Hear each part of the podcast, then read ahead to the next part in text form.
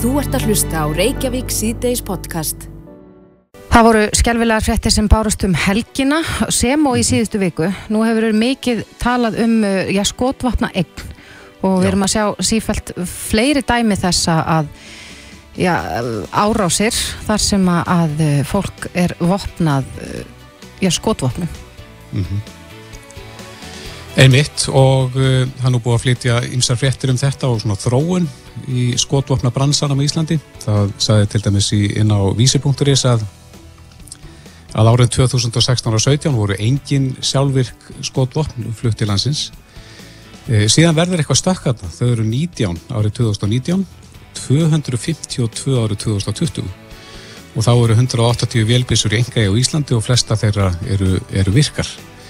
Ég veit að mörgum bregðu við að lesa eh, svona fréttir og, og sjá svona tölur en, en það er spurning hvort að það hafi orðið mikil breyting á þessu á undanföllum árum. Akkurat og við ætlum að leita á náðir lauruglunar til þess að uh, upplýsa okkur um þetta en á línu hjá okkur er Jónas Hafstensson, lauruglu fulltrúi hjá lauruglun á höfuborgarsvæðinu. Komdu sæl Jónas. Já, sæl. Já, eins og, og framkom í fréttum um helgina þá, þá eru já, fleiri vopni umferð. Getur þú útskilt hvað hva orsakar þessa aukningu? Erstu þá að tala um sabvotnin? Já, það er spurning. Eh, Hvernig, hvernig fyrir þetta fram? Við höfum heyrt af því að, að það sé að fleiri sapnar að, að, að fá hingað vopn. Eru það þá óvirk vopn? Nei, þetta eru virkarbissur. Þessi sapnarvotn eru, eru virk en, en, og aukningin, hún kemur til út af því að þetta var tólkað þannig að bissurnar þurfti að hafa verið á Íslandi til að fengi innflutningslefi síðan breytist þessi tólkun í það að það sé, uh, það sé ekki skilir að, að, bissan eintaki hafi verið á Íslandi og þá, þá einfaldaði það söfnurum að flytja bissur til landsins og það er svo skýringin á aukningu á þessum sabbútnum uh, veiðibissur og íþróttabissur það er bara, er bara í, hvað var að segja, það er bara sami, sömu innflytningstölur á þeim eins og verið hefur undarfarin ár bara í takt við þessa 500 aðila sem að fá skotofnarlega hverja ári nýliðar og svo náttúrulega slitna þessi tæki og menn vilja endur nýja. Er það uh, vitað hvort að þessar bissur sem að eru í undirheimunum eru notaði þar og hafa komið við sögu í þessum málum og gerður upptakar eru þetta bissur sem eru skráðar á Íslandi eða er þetta alltaf óskráð vopn? Sko, nú get ég náttúrulega ekki tjáð með um þessi mál sem er í rannsókn núna en, en, en við erum ekki það, það er mjög sjálfgeft að við haldlegjum óskráð vopn eitthvað sem hefur verið smigla til landsins þetta er nánast alltaf eitthvað sem hefur verið stóli hér á landi Mm -hmm. Já, þannig að vopn sem voru þá í engægu skráð vopn Já, og, og er síðan stólið og, og notuð Ö- með þessum já. hætti. Já, löglega skráð þannig að hvort til íþróttaskotum eða veiða eða, eða bæði en, en ekki, ekki smigla Nei. Hvað eru mörg skráð skotvopn á Íslandi í dag? það er eitthvað allir þessi ekki smillið 70-80 þúsund 70 og 80 þúsund Og hvað dreifast þau á marga aðila? 25 þúsund eitthvað svo liðis en við Telst erum þetta hátal eða hátt hlutvall skotvopn eignar hér, svona með að við löndinni kringum okkur? Ég var nú síðastir í skoða þetta þá, þá voru við syndist mér í, í, í 30 list, nú, númer 30 á lista. Og, og sá sem átti mest var, var í fyrsta seti það land sem átti mest já. Mm en, en sko inn í þessum tölum hjá okkur eru til dæmis loftbissur sem að uh, er ekki skráðar uh, erlendis og, og við erum með gamlar bissur, óvirkar bissur höldum vel utan um þetta og það er inn í þessum tölum En eins og Kristoffer bent á hérna áðan varandi þessa tölfræði sko um, um hversu mörg sjálfvirk skotvopn voru flutt til landsins á, á þessu, þessum örfá árum. Já, Það er augljóslega aukning þar á. Hvers slags leifi þarf maður að hafa til þess að vera já, geta fengið fluttingað svona sapnvopn? Uh, Sapnarleifi þá þarf þetta að hafa skotanleifi í fimm ár og þú þarf að vera með sérstakka geimslu sem er tekin út og öryggiskerfi sem er vaktað með myndavélum sem er tengt við sí, þar síma eða, eða, eða öryggisfyrirtæki. En það er nóg að við komum til að sé bara með að öryggiskerfi tengt við sinn síma? Já, til dæmis. Það, það er nóg. Er En, eh, það viðbót sem embætti setti, það er ekki beint skilir í, í reglugerða að það sé þannig, það, það er svona, það skilir sem að við setjum, Mm -hmm. sérstaklega. En þegar að fólk sér svona tölur eins og uh, sko 180 vélbissur sem Já. eru bara í eigu engaðil út í bæ, þá gæti ykkur talað um að þetta sé bara komið á bandónum. Tekur undir það? Ég hef nú svo sem ekki endilega sérstakka skoðun á því en eh, það er bara mjög skipta skoðanur en það hvort að það er mikið eða lítið og, og, og, og þetta fyrir eftir hvað við miðum við.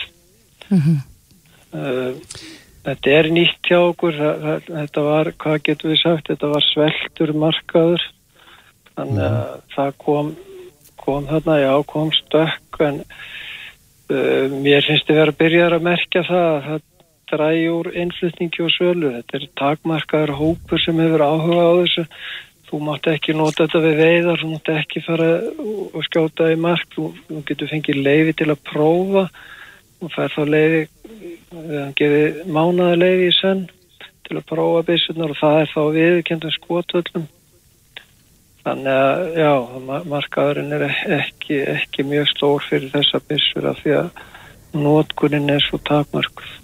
Mm. Jónas, hvaða skilir þar að uppfylla til þess að vopnið falli undir sapnvopn? Við hefum meða við að byssan sé framleitt fyrir lóksetni heimstyrjaldar, hafi tengsli sögu landsins, Uh, aldur verðmæti spila líka í, svo, svo, svo er aðrar ástæður, það má líka nota það en, en, en, en við erum fyrst og fremst með þetta þennan aldur sem framleitt fyrir lóksetni heimstyrjaldar og tengsli sögu landsins. Hvernig gæti svona vopnaft tengslið sögu landsins? Það er til dæmis það sem var notaði í heimstyrjöldinni, setni, Hér á landi þá? hér á landi og við, við landið. Mm. En ert, uh, Jónas, þá að, að sko fyrir almenninga að lesa um, um svona aukningu á, á sko sjálfvirkum skotvopnum hér, uh, finnst þér ástæða til þess að hafa uh, sérstakar áhyggjur af þessari aukningu, sko sérstaklega í ljósi þessa að það er byssur sem eru notaðar með þessum hætti í, í, við, við árásir og annað slíkt, að, að þær séu oftast þýfi.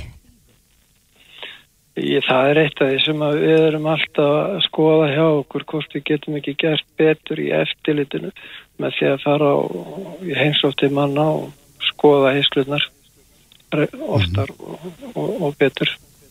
Já, en nú eins og við sjáum að fréttum dagsins að þá er leikur grunur á að skotvopnið sem að nota núna um uh, helgina hafi verið þrývítar prentað. Þá fara nú málin, er það ekki að vandast hansi mikið þegar að fólk er farið að geta prentað þetta út bara heima hjá sér? Jú, það, það er algjörlega ný staða hjá okkur sem við stöndum frammi fyrir þar. Það er ekki eftir að neyta því. Já, og serðu fyrir hvernig hægt er að bregðast við því? Ekki fljótu bræði. Nei. Það er, það er uh, bara, já, nei, ekki, ég get ekki alveg svara því hér, hér og nú. Nei. Jónas Hafsteinsson, uh, í skotvopna skráningu hjá Lauruglun og Höfuborgarsæðinu. Kæra þakki fyrir þetta. Takk sem leiðis.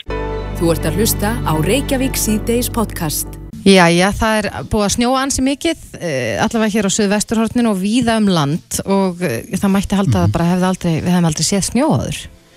Það er pínuð þannig. Já, ég ætlaði með þetta að segja að það er, við bara erum við hægt að kunna umgangast snjóin. Já, þetta er allavega svona, í, það, maður manið þetta alveg eftir mjög snjóþungum dögum en þetta var uh, snjóaður henni allan nótt, við allan morgun og ég held að snjóruðningstækin hafi bara varla haft undan við það að, að sko riðjar stopnaðar höfuborgarsæðisins en mm -hmm. það er gaman að fylgjast með því hvernig, hvernig já, maður verður svona meiri samborgari. Ég var eitthvað í morgun að hjálpa, reyna að hjálpa fólki að losa bílana sín og maður sér það nú hvert sem að fer að það eru bílar sem að festast hér og þar. Já, líkamsrækt dagsins, það var að íta bílum. Já, má segja það. En En svo er spurning, er, eru snjóruðnistæki, er til nóga af þeim að því að við heyrum það að þeir sem alltaf panta snjóruðnistæki í annarkort inn á bílastæði eitthvað slíkt þurfa að býða ykkur að daga eftir því að, að komast efst í röðina. Mm -hmm. Á línunni okkur í dag er Pavel Bartosek sem er formaður skipilags og samgöngur ás Reykjavíkur. Kom til sæl Pavel. Komið sæl. Já, þetta hefur eflust verið mjög erfiður dagur fyrir þá sem er að riðja veginna en það snjóaði nú eh, bróðupart dagsins.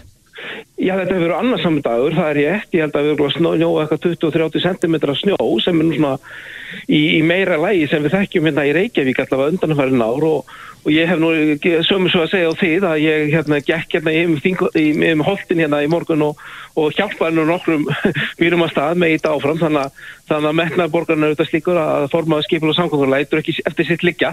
E, svo ég segi það inn í hálfgerðugín en já það er búið að vera mæðast töluvert á hérna okkar ágæta starfsfólki sem hefur varð verið að allan ótt að hérna móka það sem, sem hægt er að móka og síðan ofan í snjóðum sem snjó, snjó, snjóar þar fyrir utan Já, ég veit að fólk til dæmis fyrir norðan, það stílur ekki þessum látum og eh, er öllevant þar. Eh, erum við ekki með nægan viðbúnað hér þegar að það loksins snjóar? Erum við, erum við búin að gýra okkur niður í viðbræði? Þa, það, það hugsa ég nú ekki. Ég aðtöða alltaf á þann ég held að séum það byrj sko 50-60 tæki þarna úti bara akkurat núna. Er einnig bara öll þau tildöki tæki sem, sem í bóði eru. En það verður líka að hafa í huga að sko magn umfærakerfi sem sér á höfgasauðin þetta eru held ég um það byrjum 1400 km sem Vegagerðin og Reykjavíkuborg þurfa að móka saman bara í Reykjavík einni og til samanbyrða það er ringvegurinn sko 1321 km þannig að þetta er rúmlega það sem ringvegurinn eh, er sem við þurfum að móka e, til þess að halda göttunum hreinum. Og ofan það bætast náttúrulega við hjólastígar sem eru eitthvað um það byrjum göngu hjólastígar sem held ég séu 800 kilometra, þannig að samtals er þetta yfir 2000 kilometrar af, af vegum sem við þurfum hérna að þjónusta. Þannig að þá er eðlilega sko forgangum settur á, á megin æðar og, og hérna stræt og leiðir og neyðarakstur og svo þarf smá saman að vinna á þeim snjó sem komið nér mm -hmm. En þá er líka spurt, erum enn að fara nógu snemma af stað, erum enn að byrja nógu snemma að riðja? Ég held að það sé byrjaðu kringum þrjú-fjórum nóttan, já, ég held að það sé þannig, en, en í þessu magni þá hefur líka þurft að fara sérstaklega efrirböðum sko, nokkur sinnum yfir það því að við einfallega snjóað ofan í það sem hefur, hefur komið. Þannig ég hef ekki séð í þessu ferli sem, sem gera verkum við gætum einhver móti uh, gert betur öðruvísi en þá ráðast auðvitað í mjög mikla stoppfjárfestingar með því að hafa þá miklu fleira tækjum til takk, sjá okkur ágættu verktökum í borginni sem myndu þau þá að hafa eitthvað aðeins minna að gera þess á milli vegna þess að uh, sama hvað öllum líður þá getum við ekki haft sko viðbúnaðan alltaf miðan við hérna svona ídrustu aðstæður við verðum einhvern veginn að gæta að hóst í því mm -hmm. Um, En Pavel, hvernig er staðan í, innan hverfa í borginni? Maður, ég heyrði nú í fyrirtækjeganda í morgun sem reyndi að, að að fá til sín einhver til þess að reyðja bílastæð og, og var þá sagt að, að sömar götur getur þurft að beigða sko fram á miðvökudag eftir snjóraðningstækjum. Já sko við höfum alla verktaka sem eru okkar vegum raunin á fulli við það að halda upp í, í gegnu hérna forgangurinn samt þannig að við hérna, höldum upp í strætuleiðum og svona grunnleiðu fyrir neyðarakstu í fyrsta forgangi. Síðan er það plön og aðkomuleiður á skólum og e, leikskólum og aðri hlutir eins og allmis e, að mókan íbókunni verður þó að þetta fólk kannski vil ekki heyra þá verður það að býða allavega e, já, í eitt-tó daga áður en við getum ráðist í það verkefni vegna þess að við verðum með einfallega borgarsvað en það kemur að því uh, næstu skrefur þetta að hérna, halda áfram að halda uh, aðalegðum ofnum uh, breyka uh, þá vegi vegna þess að stundum höfum við farið kannski bara eina umferð þess að fólk geti komist og svo í kjölfari þarf að vinna úr því að hérna uh, að rauninni klára húsagötur uh, smá saman mm -hmm. Eru snjórinningstækin sem eru nótið, eru þau í eigu borgarinnar eða eru það nýta verktaka? Flest eru í eigu verktaka. Við sagt, bjóðum út rauninni þá þjónustam okkur vegi og stóran hluta af göngustígum, við mókum hjólastíga sjálf og rauninni stopnarnir á vegum borgarinn eins og skóla, þau eru einhver hluta hlutan en langstæsti hluti eh, tækja sem eru í hérna er eigu verktaka og e, eru bara sem, í gegnum útbóðstum sem það er gert mm -hmm. Já, þetta er búið að vera eh, óeðlilega kannski á, á mæli hvarða bara undanfarna vikna óeðlilega mikið en, en mér skilst að þetta sé nú ekki, við erum ekki að slá neinn met í dag þannig Nei, ja, ég held nú ekki, það er nörgulega að skrifa meira einhvern tíma á Íslandi en þetta er samt svolítið mikið með að vinda að færna ár en ég verður bara að segja að við þetta þökkum, mér langar að koma á framfæri sko þakklægt yttir og þetta okkar ágæta starfsfólks og þeirra verktaka sem hafa unnið nótsenni í þetta dag og svo þetta þökkum við líka síndan skilning og þannig að ég upplýði að þegar svona, maður ræði fólk að það veit að hérna, vilja allir komast leiða sína en við sínum því þetta líka skilning að það tekur tíma að halda við um óttum og við þakkum þann síndaskilning eh, hérna, líka að því að þetta er auðvitað bara svo svolítið óbundar aðstöður Já, við þurfum ekkert að senda fólk norður til að læra hvernig að reyða snjó. Ég held að hérna, það sé nú ekki þannig, ég held að við höfum bara hinn príðlustu tæki en eins og segi þá er okkar veðkerfi hérna nokkuð hérna, stórt og, og hérna rúmt og það eru þetta líka flókið vegna þess að það eru síðan sko fóka festabílan síðan leiðin sem hefur ferlið en, en eh, ég held að sé ekki, ekki þannig að við þurfum að læra neitt eh, af öðrum hvað þetta varðar en, en einfallega þá er bara staðan þannig að, að þetta snjóðaði mikið og við vinnum bara eftir okkur verklagi að klára að halda vegur mótnum í saman með eðla fólkasöður. Já. En Pavel, veistu hvernig strætó hefur gengið í, í dag að ég, ég fóta sig? Ég veit að voru einhverja tafir til að byrja með en, en, en upptáhópa þá hefur eh, haldið, tekist vel að halda svona strætólum opnum eftir því sem ég best veit. Mm -hmm.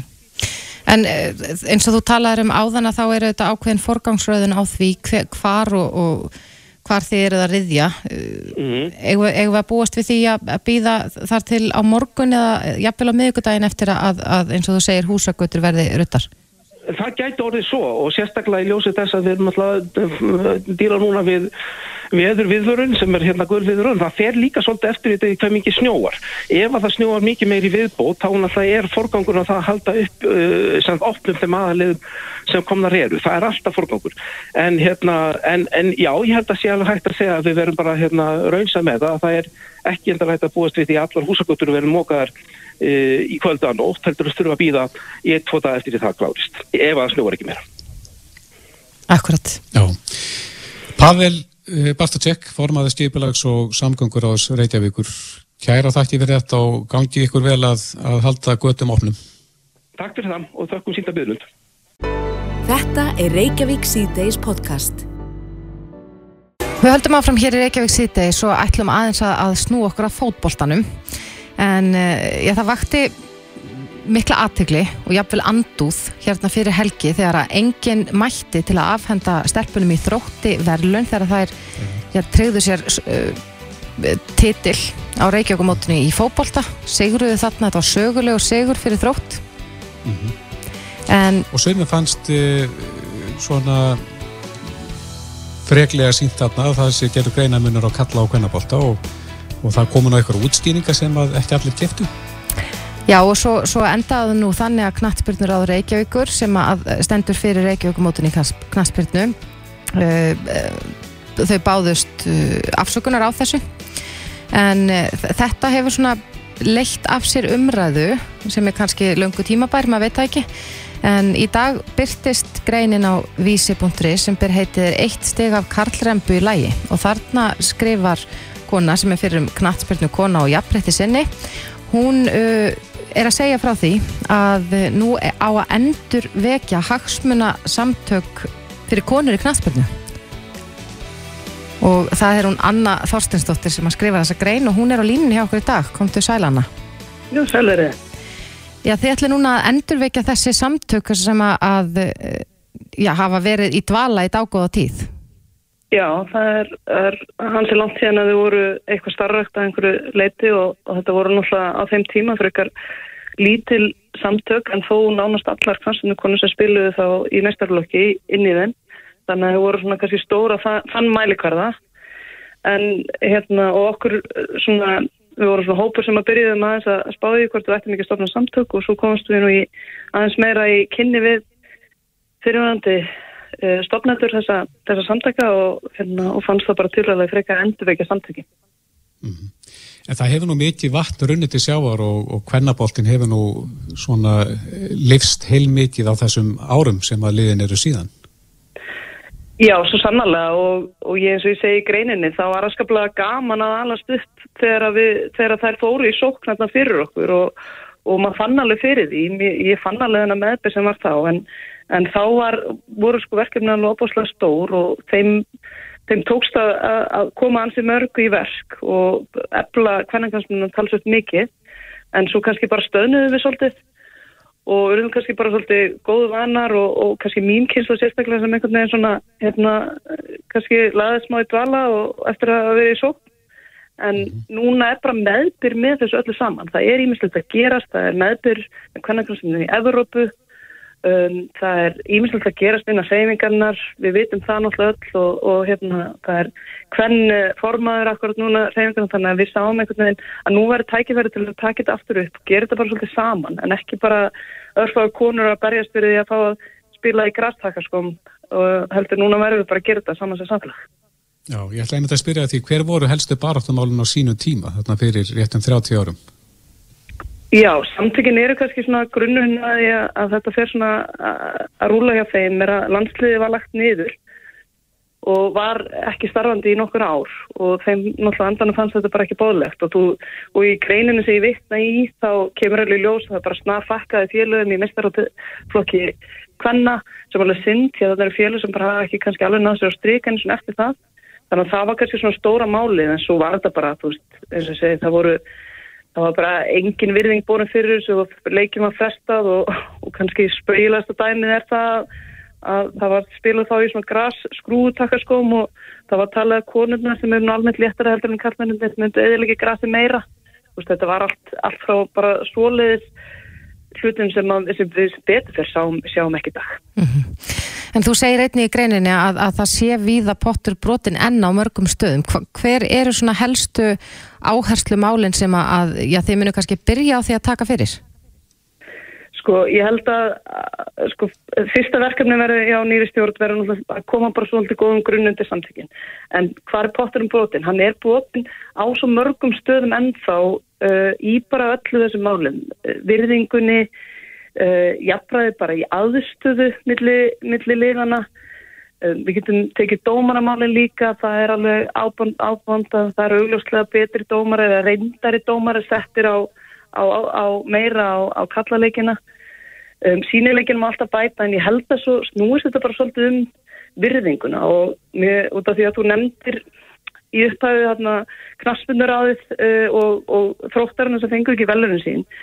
Og þetta er kannski svolítið svona veist, ég, ég veit að þeir vildu, þetta voru mannlega mistök en það vantar bara það vantar þetta allt til að minna alltaf á það. Og það eru fullt af fólki sem vinnur í þessu og vill gera betur en við þurfum bara svolítið baklandi til það minna alltaf á að það er, þetta þykir ekki alveg sjálfsagt ennþá og það á að vera sjálfsagt og einhvern tíma núnandi verður þetta bara alveg sjálfsagt að að konur eru bara jafnskildi kalla hópla. Mm. Hverju er um að kenna núna heldur þið að þetta sé ekki, að þetta standi ekki jafnvætis? Ég held að það sé bara örlítið bara svona viðhorf. Við bara lítum ennþá á hvernig hópultan, örlítið sem ekki samsvarði kallafókultanum og hérna og það er, þú veist, það þarf kannski líka svolítið að, að fjölga konum inn í í, eh, í hérna í hreyfingunni á öllum, öllu leiti og kannski sérstaklega konum sem að sem að þekkita veginn raun. Og það er kannski það sem við erum svolítið að kalla eftir líka að fá bara fyrirverandi konur svolítið í þetta sem að skilja þetta. En það skal þú segja að það er alveg eðlilegt að fyrirverandi aspnukonur síðustundum bara svolítið þreytar því að það hefur alveg verið ströggla að vera í hvernig þú velja það. Þetta er afskaplega mikil fórnað ætla sér að velja fókbóltan eða var það sérstaklega. Þú veist það er ímislega sem það þarfst að setja á hliðina til þess að verða og því við erum með gott kvennalansli þannig að það eru mikla kröfu settar. Þannig að núna erum við bara svolítið að samin okkur saman og verið í þessu eitt heilt og það viðist bara vera að virka því að viðtökunar hafa verið alveg frábæra og við fórum náttúrulega svona ákveðin hópur inn í þetta, kannski vitandi er fólk til í þetta, en það er svo sannlega fólk til í þetta og, og, og fólk tilbúið að leggja að setja mörgum mér. Mm -hmm. Þannig að þið finnið eh, já, svona mikinn meðbyr í samfélaginu öllu?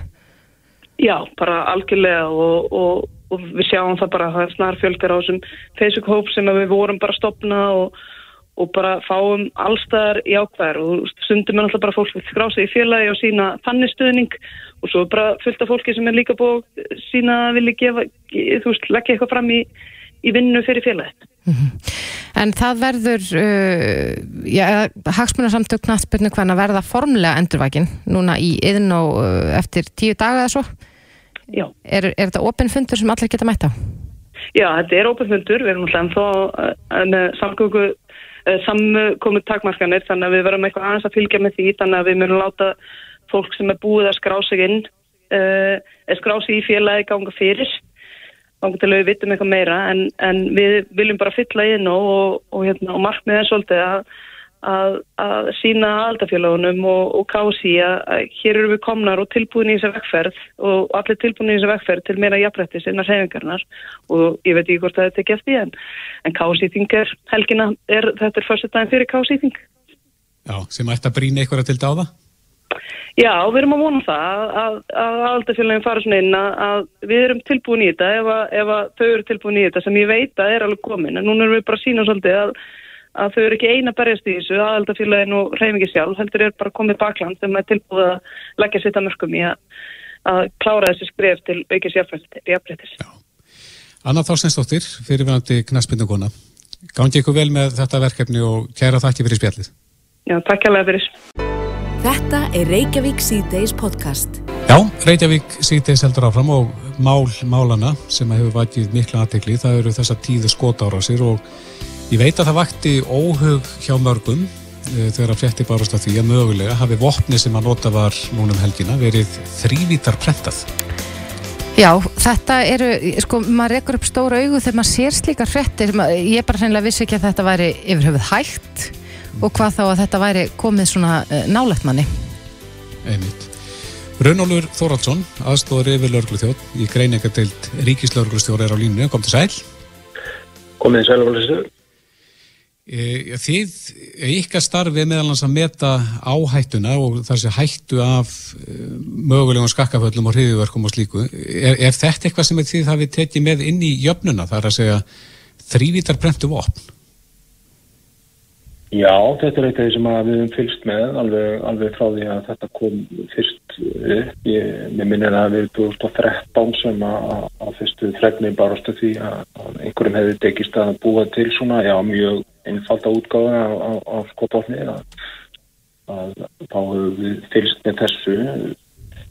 Við verðum náttúrulega alltaf að setja þetta í samingi við, við það að, að vilju, vilja og, og, og getu einstaklingsins til þess að, að já, nota svona vopn og, og þá gegn uh, almenningi eða, eða einhverjum öðrum að það þarf að horfa til margra þátt á þegar að við erum að meta áhættu gagvart samfélaginu fyrir að ekki bara þessu máli. Hver er mesta áhættan þegar að kemur að þrývita brentuðum vopnum? Það er til dæmis hefur verið bent á þann möguleikað slík vopn eh, ja, vopnarleita tæki er ekki erfileikum með að nema slík vopn? Já, akkurat, það, það eru nú margir fletir á þessu máli að, að hérna, það eru náttúrulega einhverjur drífita plentarar til og, og hérna en nú aftur komum við að því að það er þessi vilji og þessi sketa sem að, að, að þarf að vera fyrir hendi Eh, hvað var það innflutning að, að þá, þá er þetta eh, mjög mismunandi. Það þarf í, í, ef maður séð í sumum tilvillum þarf eh, eitthvað, eitthvað meira eru bara frívetarprentara til þess að útbúa sér svona nótöf votnum en, en og aftur að, að hérna, það sem að kannski skiptir svona helstum máli fyrir, fyrir öryggi okkar hérna er að við séum eh, skýr og góð vopnarlegu og, og, og við hefum börðið til þess að hafa gott eftirlitt með því að vopnarlegunum séu framfyrst uh, eh, og, og svo uh, þá var það frungaðislöggjastlu að,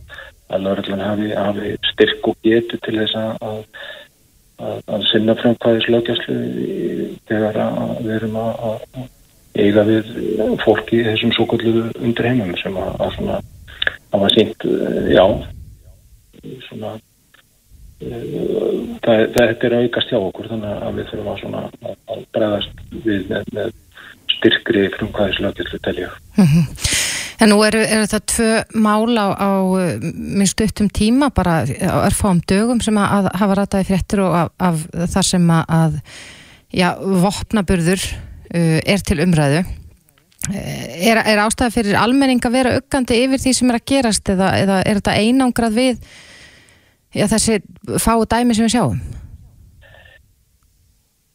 Já, það, það er það sem að, að, að verðurna höfuborgarsvæðinu sem að er með rannsókn þessara mála hefur, hefur tjáð sig á þann veg að, að þetta erum einstaklinga að ræða sem að, að, að e, þetta sé átuga á milli einstaklinga og þannig að er engar vísbendingar um það að það hefur verið litt vilji til þess að skada einhverja aðra heldur en bara þá sem við erum til sjökot við Nei, en alminni borgar hafa svo sem verið hérna í kringum þetta og, og, uh, og það er aldrei að vita hvað getur gerst þess að kúlur geta farið í ýmsar áttir.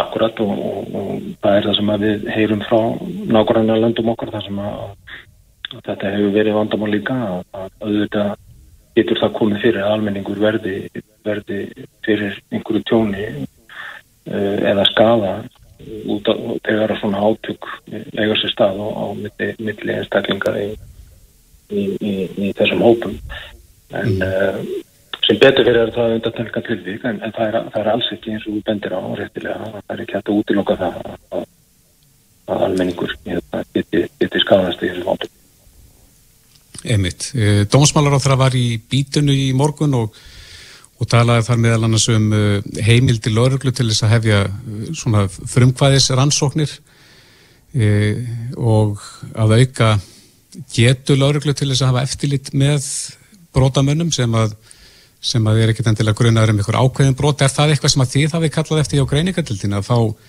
svona meiri tæki í hendurna til þess að geta syndi ykkar starfi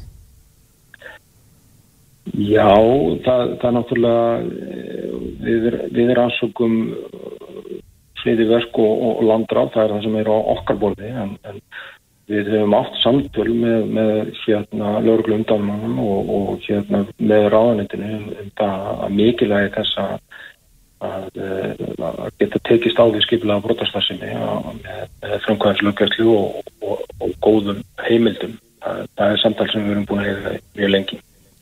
Mm -hmm. Og myndi það að auðvelda ykkur vinnuna ef að ykkar heimildir væru rimri og, og hann, Jón Gunnarsson sagði nú í bytunum í morguna að já, auka eftir eitt heimildir laurugluna og gera það sambarlegar þeim í nágrannar löndunum. Er staðan betri í löndunum í kringum okkur?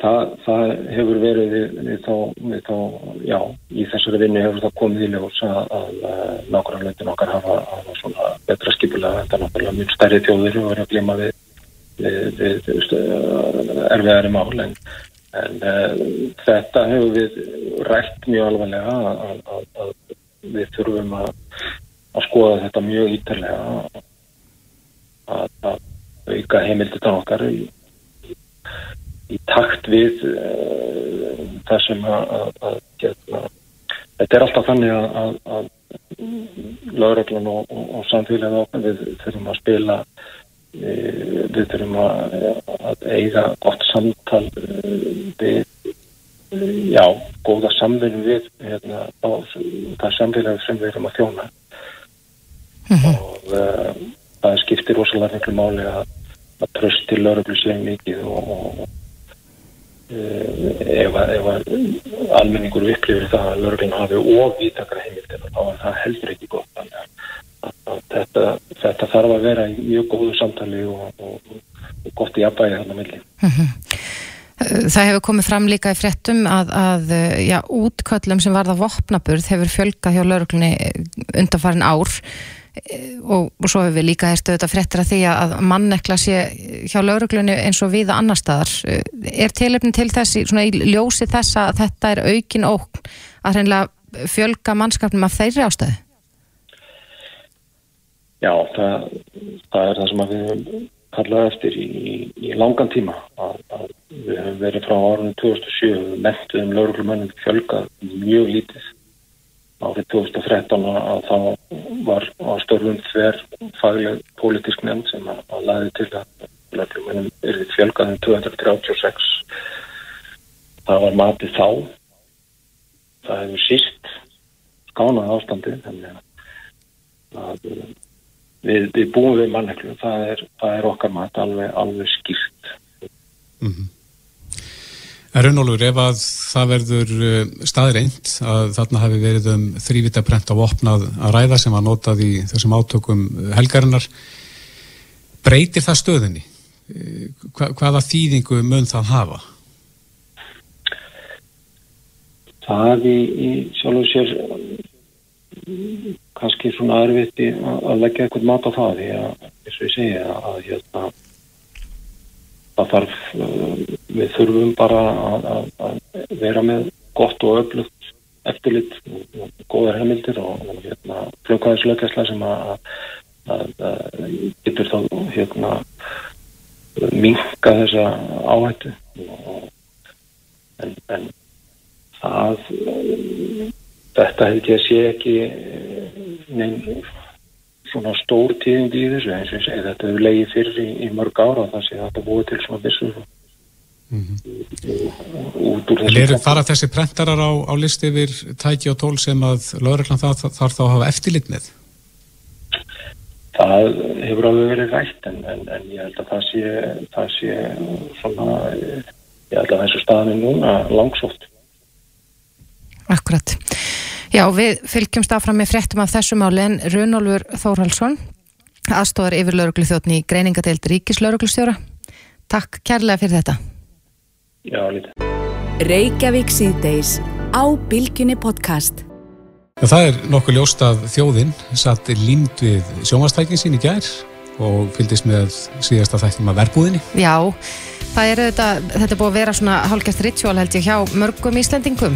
Mér langar að segja flestum en ég þóra ekki að segja neitt mikið um það en við erum búin að vera límt við skjáin núna síðan fyrir jól að fylgjast með verbúðinni. Já og það eru svona söguleg, svona sögulegar hérna, tilvitnanir í þessum þáttum sem ekkert endilega passa endilega við tíman. Það er náttúrulega búið að þjappa mörgu fyrir þarna í, í, á stuttum tíma. En uh, það er gegnum gangandi í þessum þáttum, það er kvotakerfið og uh, þegar að guggan var seld frá Ísafjörði á sínum tíma. Mm -hmm. Það gerðist nú eftir 1990, það var 1997 sem að það gerist. Akkurat. Og uh, já, maður er auðvitað að fyrir að velta fyrir sér eins og fyrir mig, ég hef nú sagt það áður hér þessum þættum höfum rætt verbúðuna að, að mér finnst ég bara að læra heilmart um sko bara tíðarandan og um eh, kvótakerfið og, og sko sjávarútvinn í heilsinni með því að fylgjast með þessum þáttum þó að ég veit að þetta er ekki allt byggt á sögulegum starrendum en e, þetta átti sér í raun og veru í verbúðinni þá var Þorbjörgin selt frá þarna Suðureyri og, og Norður. Og þar voru fögur lofórðum að, Þorbjörgin er það áfram gerð út frá plássinu.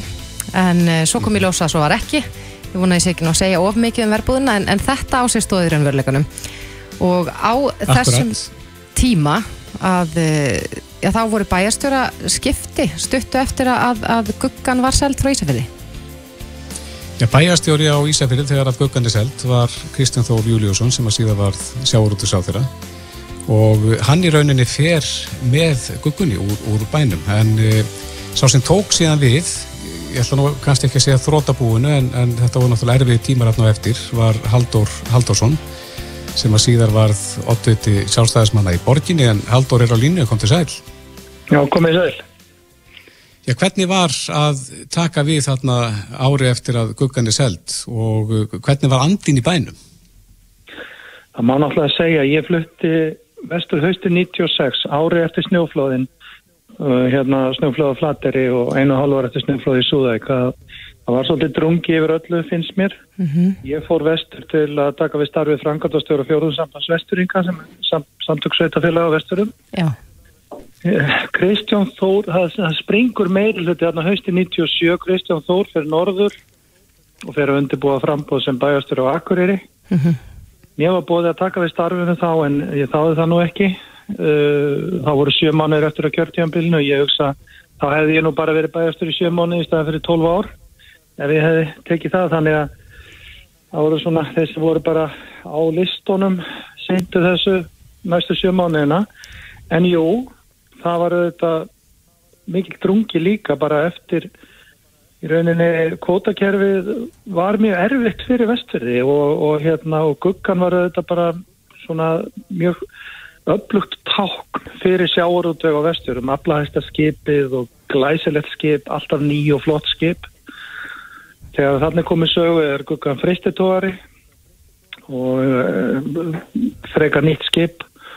Og þetta, ég veit ekki hvort að fólk trúði einhvern tíman fyllilega á það að, að skipið eru gert frá Ísafyrði og verið áfram gullt og allt það, það allavega stóðist enga veginn, það var alltaf bara, það var sveikið strax og, uh, og í, í rauninni bæði byrjuði vestringa mjög senkt að byggja sig upp innan kvotakjörðusins, mjög margi sem trúði ekki á það, þingmenn sumi hverju lögðu að Eh, þeim sem voru í rekstri sjáurðisfyrirtæki að, að hérna, vera ekkert að kaupa kóta mm -hmm.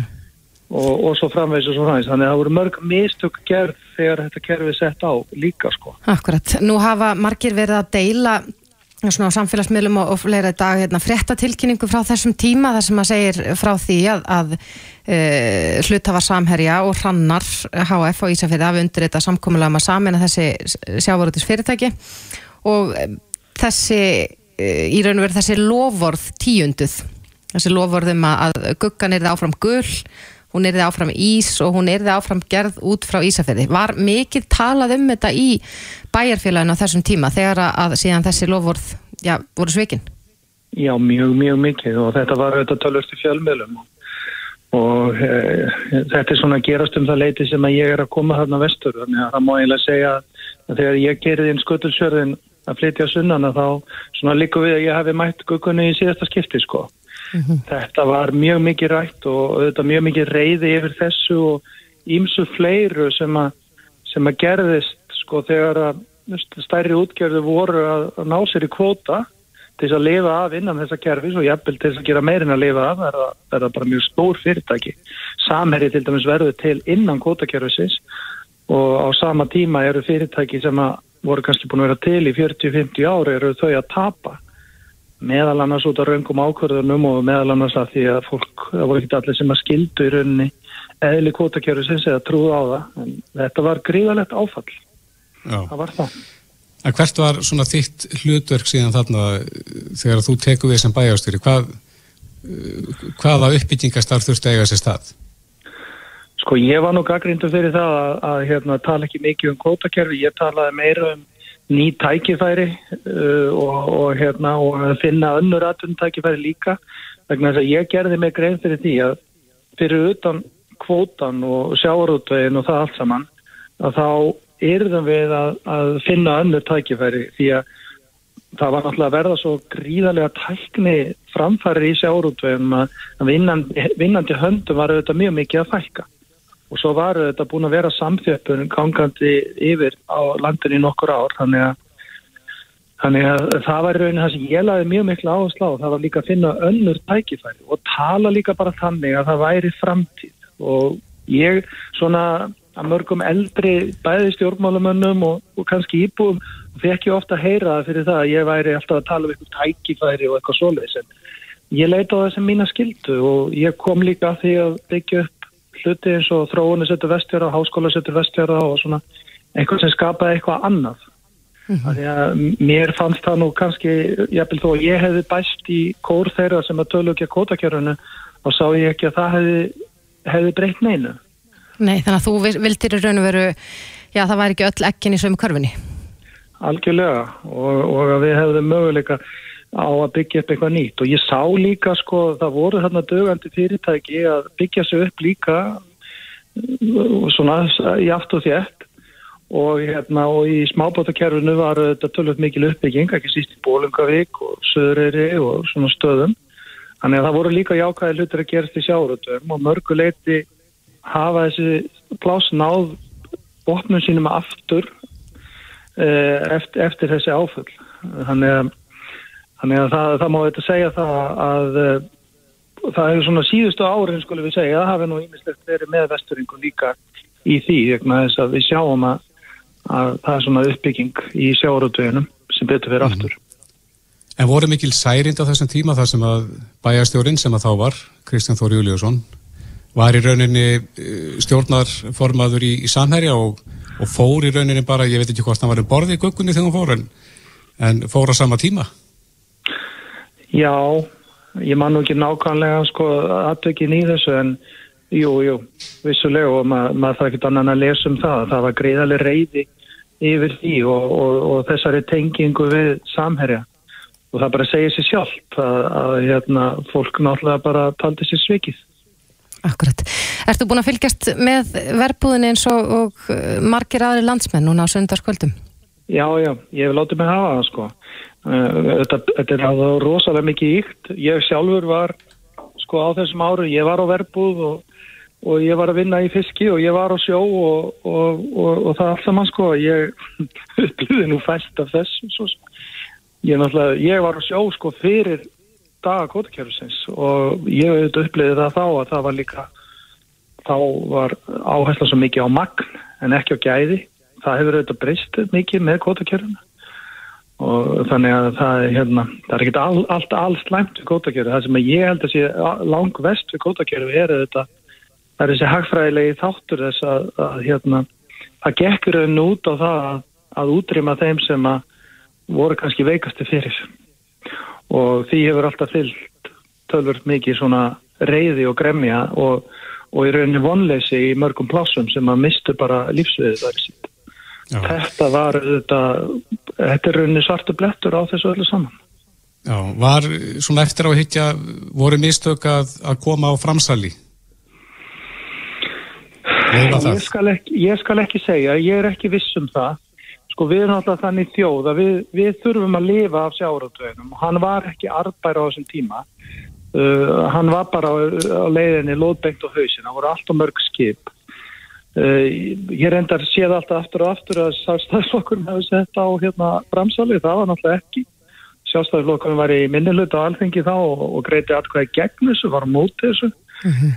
en, en hérna ég er samt sem áður þó að veri vinstri stjórn sem að setja framsali á ég er ekkert vissum að það veri mistök en það voru samt ekki nógu mikla varnir fyrir plássin í því. Þannig að fyrirtæki komist upp með að gera svona eins og samherri gerði varandi Já, en sko Haldur eins og þú segir að þá veginn, uh, hafa margir haldið að sjálfstæðisflokkun hafi komið framsalna og hver, af hverju stafar svo miskilingur?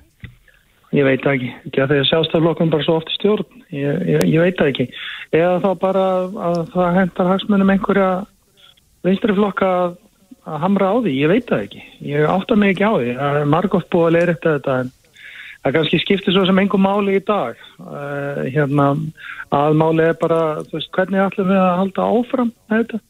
Ég til dæmis sé ekki fyrir mér einhvern einfaldan hátt á að fara að brjóta þetta upp og, og nálgast réttlætið núna lungu setna ábyggilega flestir sem að fengu kótan í upphafi eru búin að selja þetta er búin að skipta um hendur oft þannig að hérna, einhvað nýtt kerfi ég veit ekki, það mætti kannski vera auðveldara að komast inn í kerfið.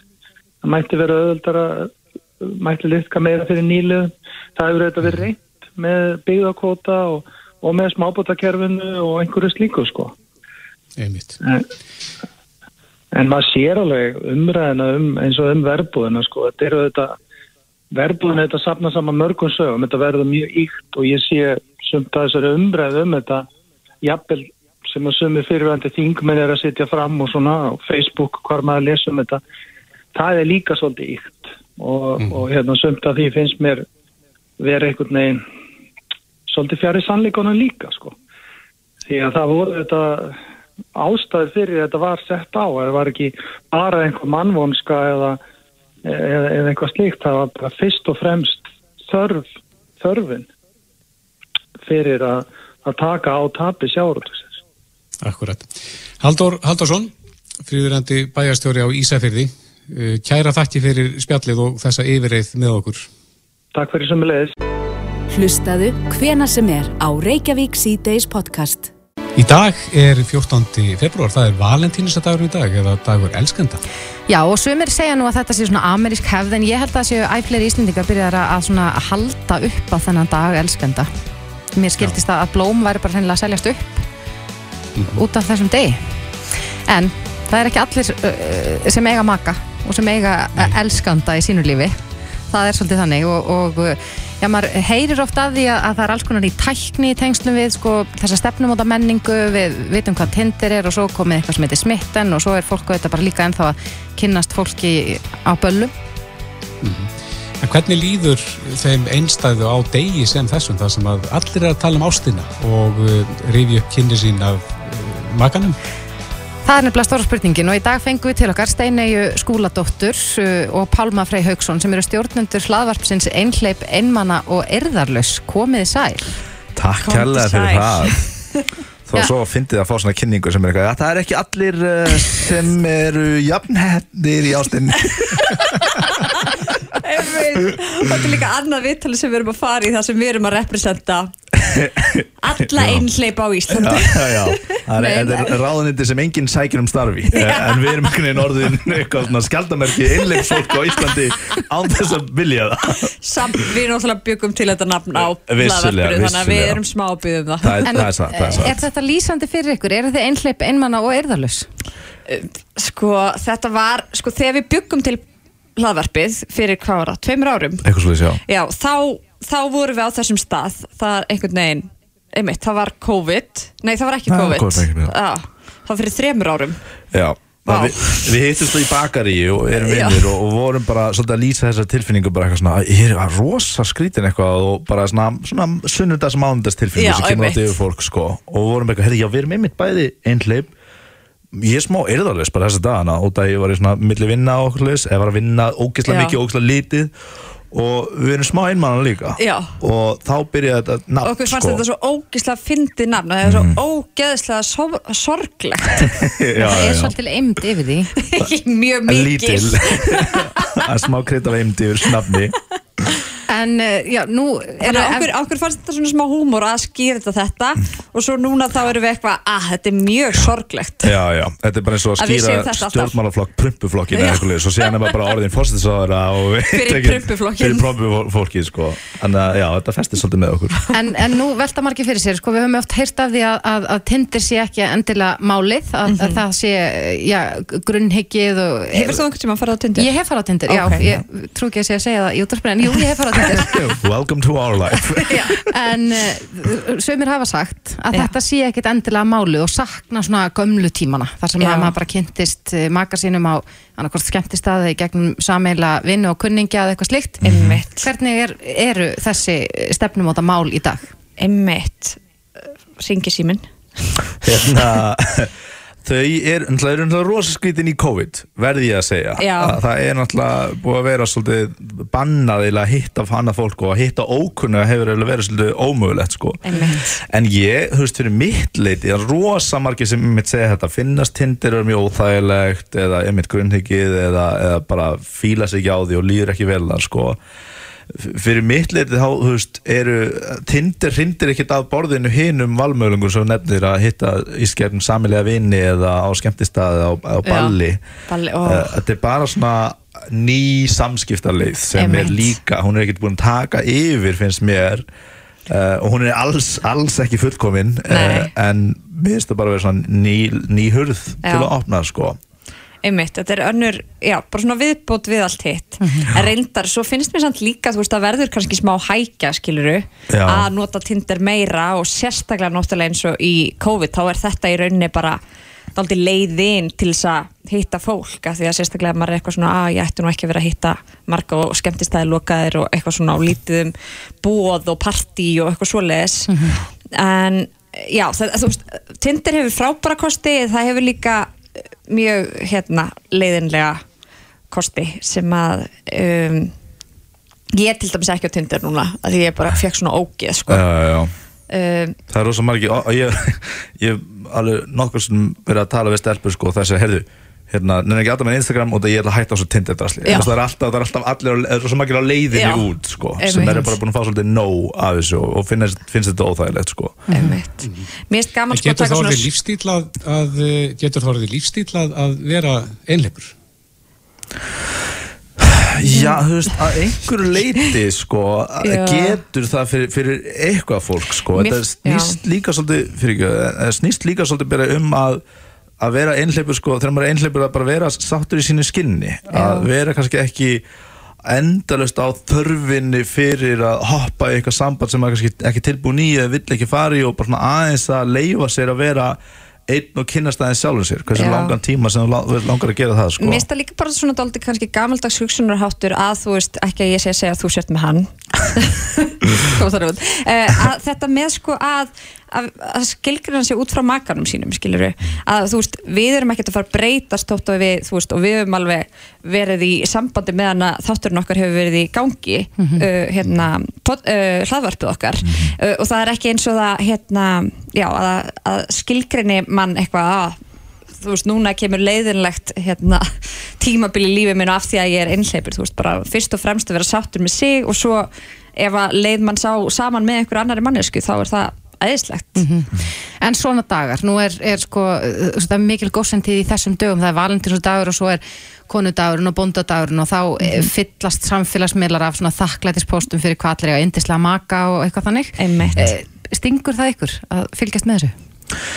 Sko ég veit oftast bara ekki nákvæmlega hvað dagur er eða mánuður sko. Þannig að það er ekkert mikið að tröfla með nú er þetta annað viðtali sem ég fer í varandi að vera einhleipu þannig að vissulega er ég aðeins meira myndur á þetta heldur en venjulega. Kannski bara svolítið auðlýsing? Já, ég veit ekki hversu góð auðlýsing þetta er. Að vera formaður einhleipur á Íslandi. Þetta er svo fyndið að, að, þú veist, þá virðumst vera svona mest einhleipa fólkið á Íslandi. Að bara hérna erum við með reynslu boltana í þessu fæi uh,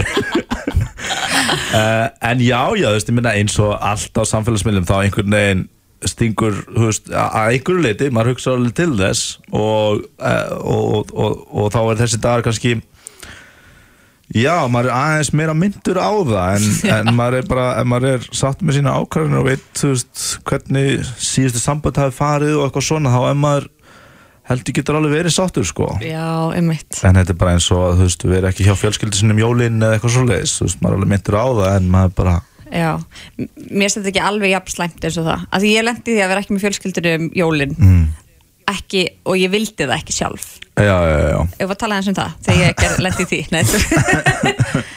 En, en okay, það er líka bara áhugavert að heyra ykkur segja það, nú er búin að fara í tvö viðtöl bara um uh, sko, sem einhvers konar talsmenn einhleipra.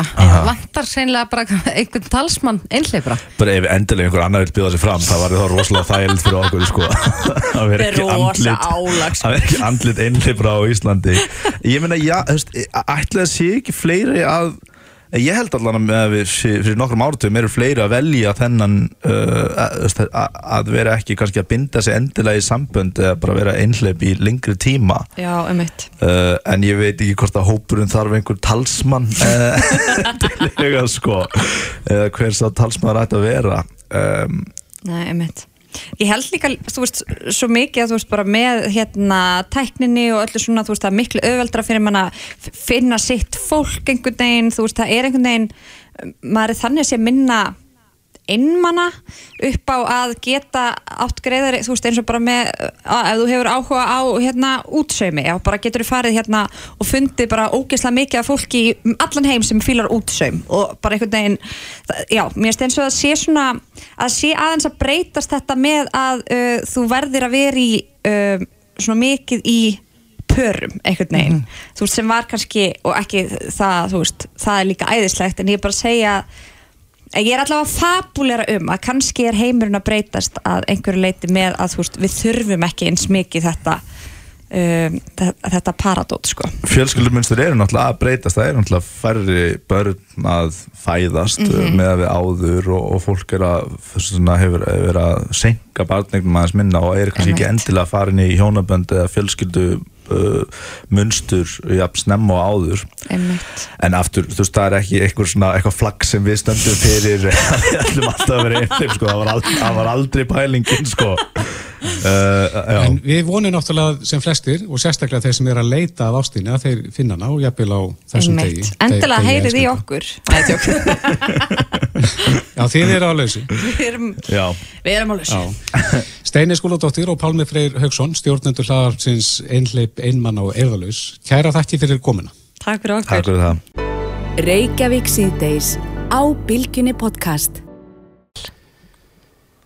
Reykjavík síðdeis, uh, það hefur aukið stúrvalið af uh, hlaðvörpum, svo sannarlega, og uh, ekki síst innan okkar viðbanda.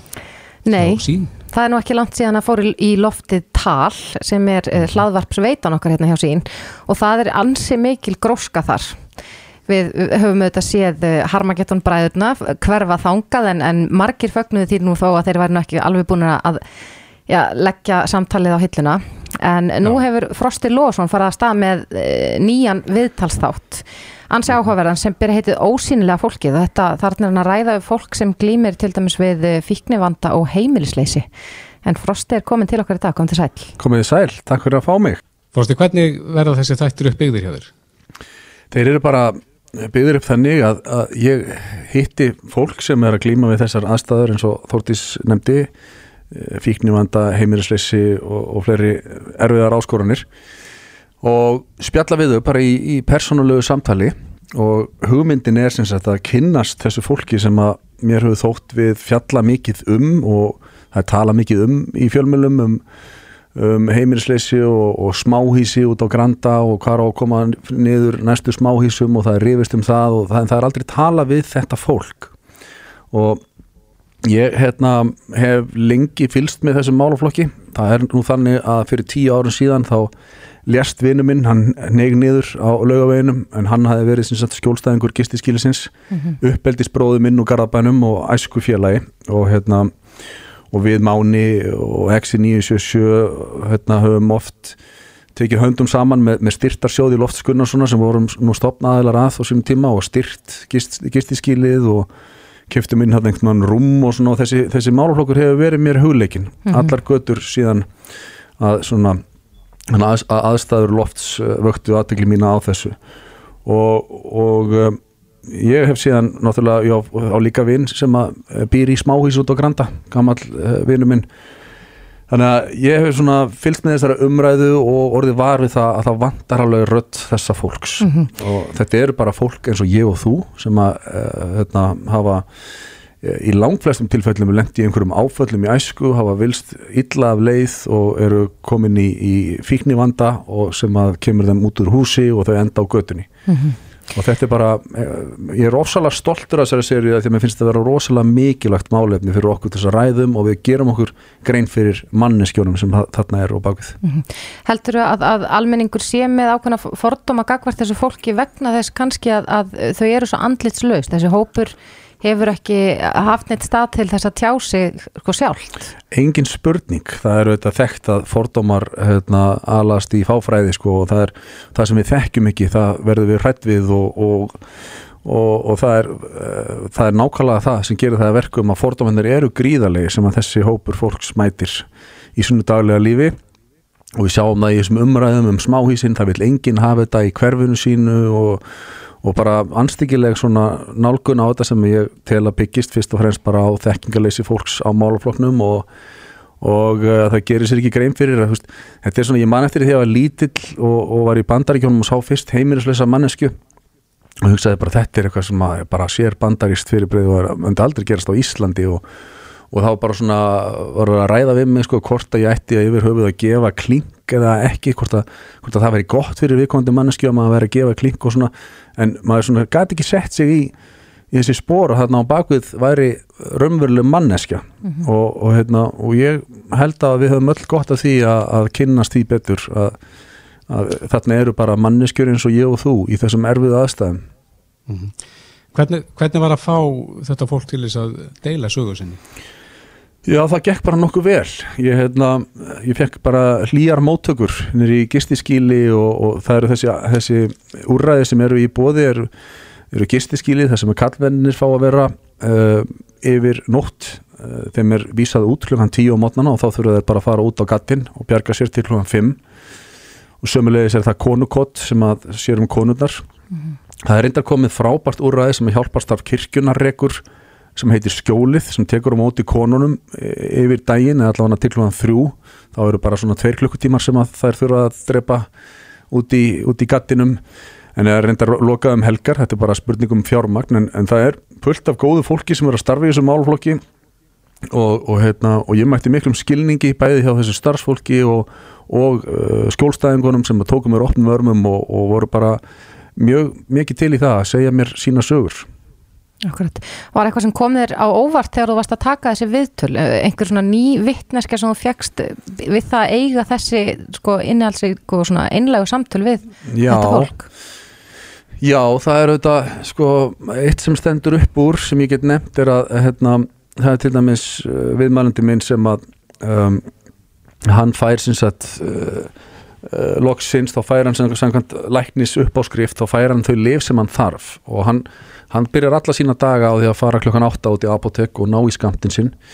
Og hann uh, tekur sín efni í æð og, og, hérna, og eftir að hann komst í, í þessa lausn og fekk sem sagt svona þessa skadaminkunar nálgun á sín, sín mál að þá uh, gæti hann hægt algjörlega afbrotum. Þetta er náttúrulega hópur sem að er, er mjög langt litur oft á tíðum í fíkn og, og það er veldur því að þessi, uh, þessi menn hafa verið bara úti að, að retta sér með öllum mögulegum leiðum Mhm. sem veldur því að við sjáum þjófnaði og innbrot og svo framvegis en hérna en þarna er svona kristallast svolítið þessi skadaminkunar nálgun hvers vegna hún er mikilvæg og hvers vegna hún er árangusrík og góð Er það ekki með alla sem er í þessari stöðu að þeir fái ávisa frá lækni?